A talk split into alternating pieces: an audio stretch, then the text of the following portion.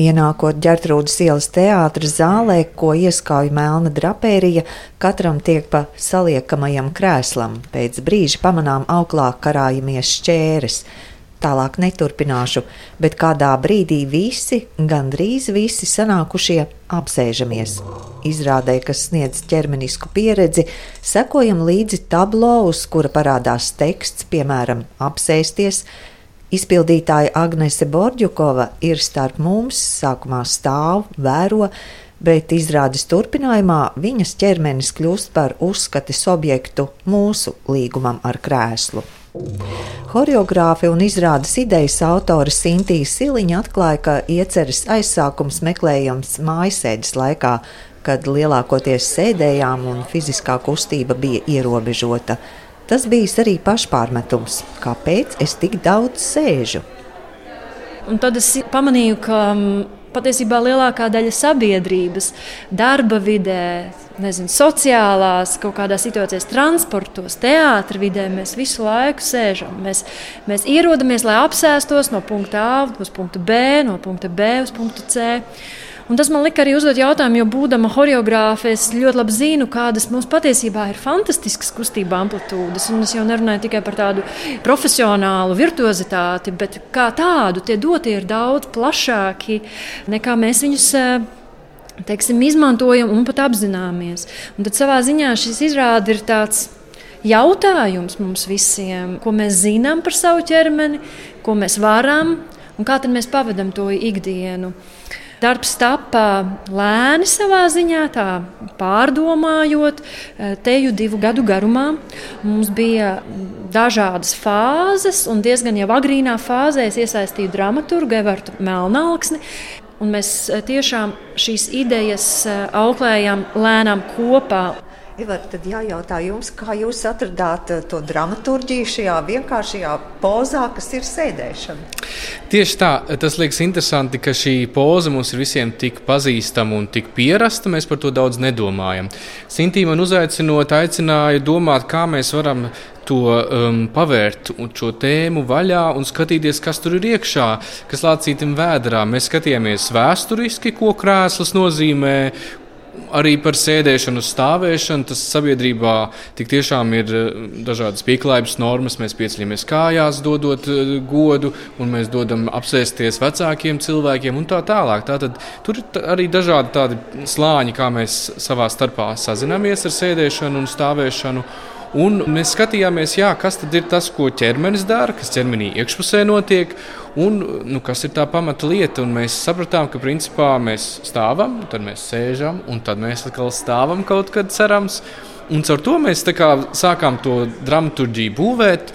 Un mēs vēlējāmies iesaistīt arī skatītājus savā ziņā. Mēs ceram, ka vismaz daži sajūt to, ka izrāda nav tikai par dejotāju, kas nodejo mums priekšā kaut ko, bet viņa vienkārši spēja nodejot, bet tas potenciāls ir katrā mūsu ķermenī iekšā, un mēs katrs varētu vismaz kaut kādā ziņā arī savu ķermeni iekustināt un radīt to, ko dara dejotāja. Tas ir tas mūsu mērķis, varbūt. Jā. Vai jums ir mērķis arī mazliet samulsināt skatītāju? Tikai tik daudz samulsināt, eh, lai ejot mājās, padomātu, bet padomātu tiešām par savām attiecībām, ar savu ikdienas kustību. Tikai tik daudz. Un ko nozīmē viens izpildītājs? Man šķiet, ka beigās jau mēs bijām visi izpildītāji. Jā, mēs um, pasargājot uh, nedaudz um, mūsu varbūt jūtīgo skatītāju nolikām to līdzdalības izrādi nedaudz malā, bet patiesībā pēc formas jau tā ir līdzdalības izrāde. Mēs gribējām arī to līdzdalību radīt tādā ļoti atvērtā formātā, neko neuzspiežot, vienkārši iedodot šo telpu un arī vērojot, kā reaģē skatītāji. Un ir tā, ka katru reizi tā izrāde ir nedaudz citādāk, atkarīgs kā tā grupa savā starpā eh, tos noteikumus, nu, ja to var saukt par noteikumiem vai tos situācijas situācijas rada. Tā kā arī priekš pašiem mums tas nu, vienmēr ir druskuļi tāds atvērts uh, iznākums. Jā, e, man šķiet, tas arī ir interesanti, kā tiešām mēs esam pieraduši sociālās situācijās sēdēt vai stāvēt vai kaut kā rīkoties, un kā mēs to redzam izrādē. Un tad arī tas ir izaicinājums patiesībā arī dejotājai, jo viņai tad vajag katreiz piemēroties tai situācijai, kā cilvēki ir sasēdušies, kā viņiem liekas, ir pareizi darīt, un vai jau uzreiz iesaistīties izrādes darbībā, kā notika šodien pirmizrādē īstenībā, ka katrs vēlējās tikt pie sava krēsla un apsēsties, vai arī citādi. Tur vienmēr ir jautājums, un katra izrāde tiešām ir citāda. Izrādē ir arī teksts. Tas ir jūsu. Nu, mēs kopumā izrādi esam būvējuši kopā, un man šķiet, ka teksti nāca gan no manis, gan arī no Sintīs un no dejotājas Agneses, kas kopā izmēģināja teiksim, tādu ilgstošu stāvēšanu, un tad skatīties, kas notiek, kad es stāvu, kas notiek ķermenī, kas mainās. Un mēs arī kopā domājam par situācijām, kur mēs tiešām sēžam, kur tās sēdēšanas pieredze ir ļoti klātesoša, izjūtama eh, ķermenī. Un, eh, jā, tā mēs nedaudz ielaidām tādu fantāziju iekšā.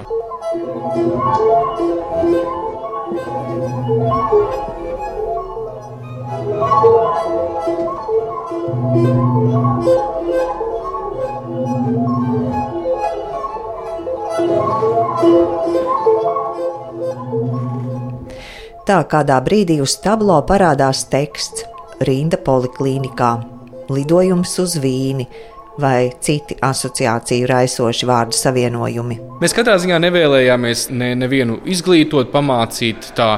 Mēs vēlējāmies kā, raisīt to skatu uz sevi, arī kā, iedot telpu. Varbūt jūs redzat, ka izrāda nav brīžiem ļoti blīva. Mēs dodam to telpu, izjust sevi un arī izjust tajā kopienā, kā mēs esam tāda sēdētāju kopiena šovakar sapulcējušies pasēdēt kā daži labi ergonomisti dēvē no homo sapiens uz homo sedens.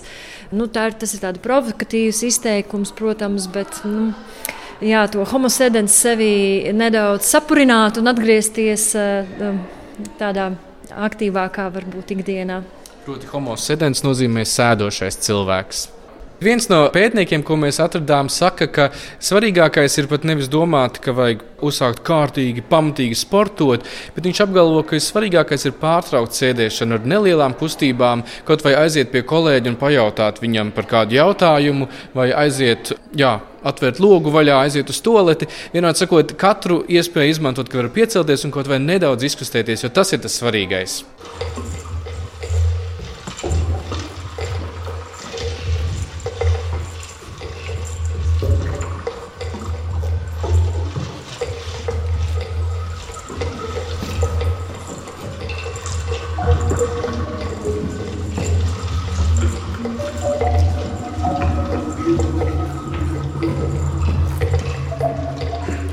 Mūzikas autors ir skaņu mākslinieks Maksims Šenteļevs. Viņa prātā izrādē viss ir ļoti konkrēts, tā skaitā mūzika.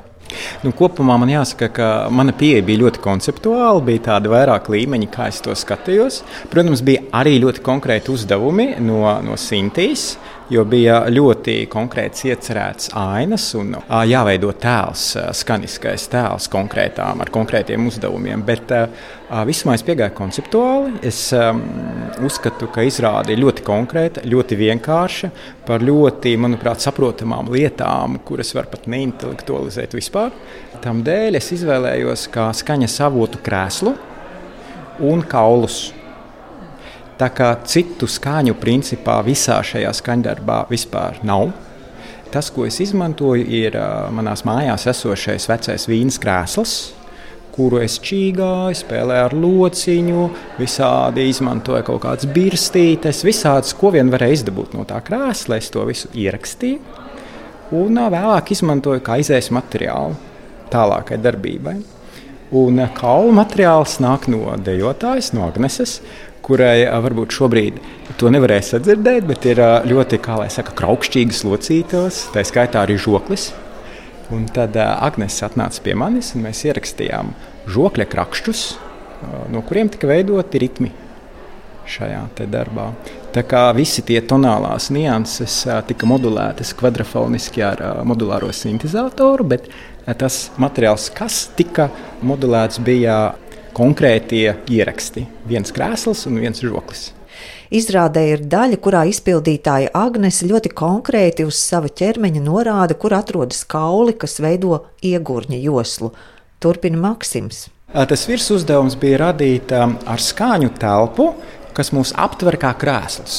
Jo varbūt Sintīna minēja to momentu, kad būtībā jau krēsls ir tikai tāds priekšmets, varbūt pat neiedzīgs priekšmets, varbūt skaists dizaina priekšmets, bet jēgu viņam piešķir mūsu ķermenis, kad viņš vienojas ar šo krēslu.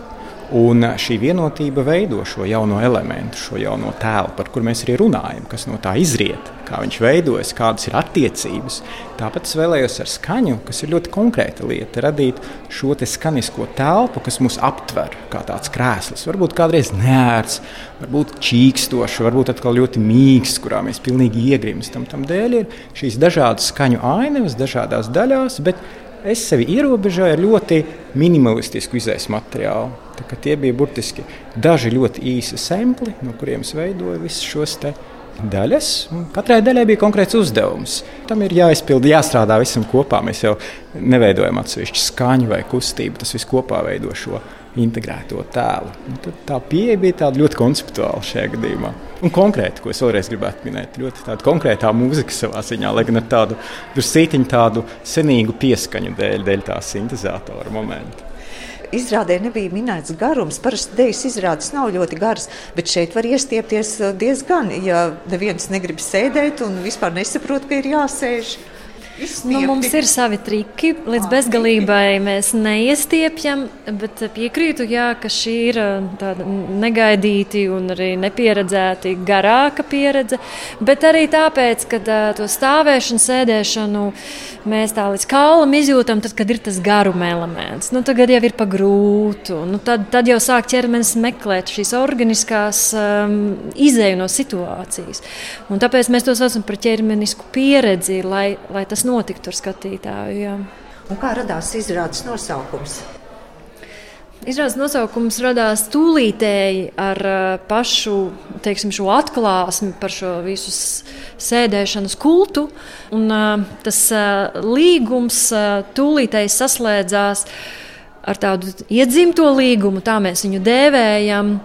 Jo arī mēs tieši runājam ar izpildītāju, kā arī horeogrāfu un dejotāju Mēs visi izjūtam šādu eh, dīvainu vilkli sēdēt pie katras izdevības. Un, eh, un viņi ir eh, nu, tādi jautājoši, kāpēc tas tā ir. Nu, kā jau minēja Evers, tādas tiešas atbildes mēs nevaram, nesniedzam. Mēs vienkārši uzdodam tādus atvērtus jautājumus ar pieredzes palīdzību. Nobeigumā skaidroja, vai choreogrāfijā bieži tiek izmantota sēdēšana, sēdes pozīcija. Jā, ierobežojumu nav. Dejot var, kā jūs pamanījāt, arī veidot choreogrāfijas un dažādas izteiksmes līdzekļus arī sēdes pozīcijā. Ir arī virkni mākslinieki, kas eh, krēslu ir izmantojuši kā tādu bāzi. Tur var arī minēt choreogrāfu Jonathan Burrows no Lielbritānijas ar viņa domu biedru komponistu. Viņi veic eh, šo Janekļu uz The Sitting Duet. Un, eh, tā kā mākslinieku ir virkne, kas arī uzdod jautājumus, bet nu, šķiet, ka šādā nozīmē vēl es neesmu uzdūrusies, kad, un tik atvērtā formā, kurā arī tas skatītājs ir līdzdalīgs. Aicinam skatītājus piedzīvot.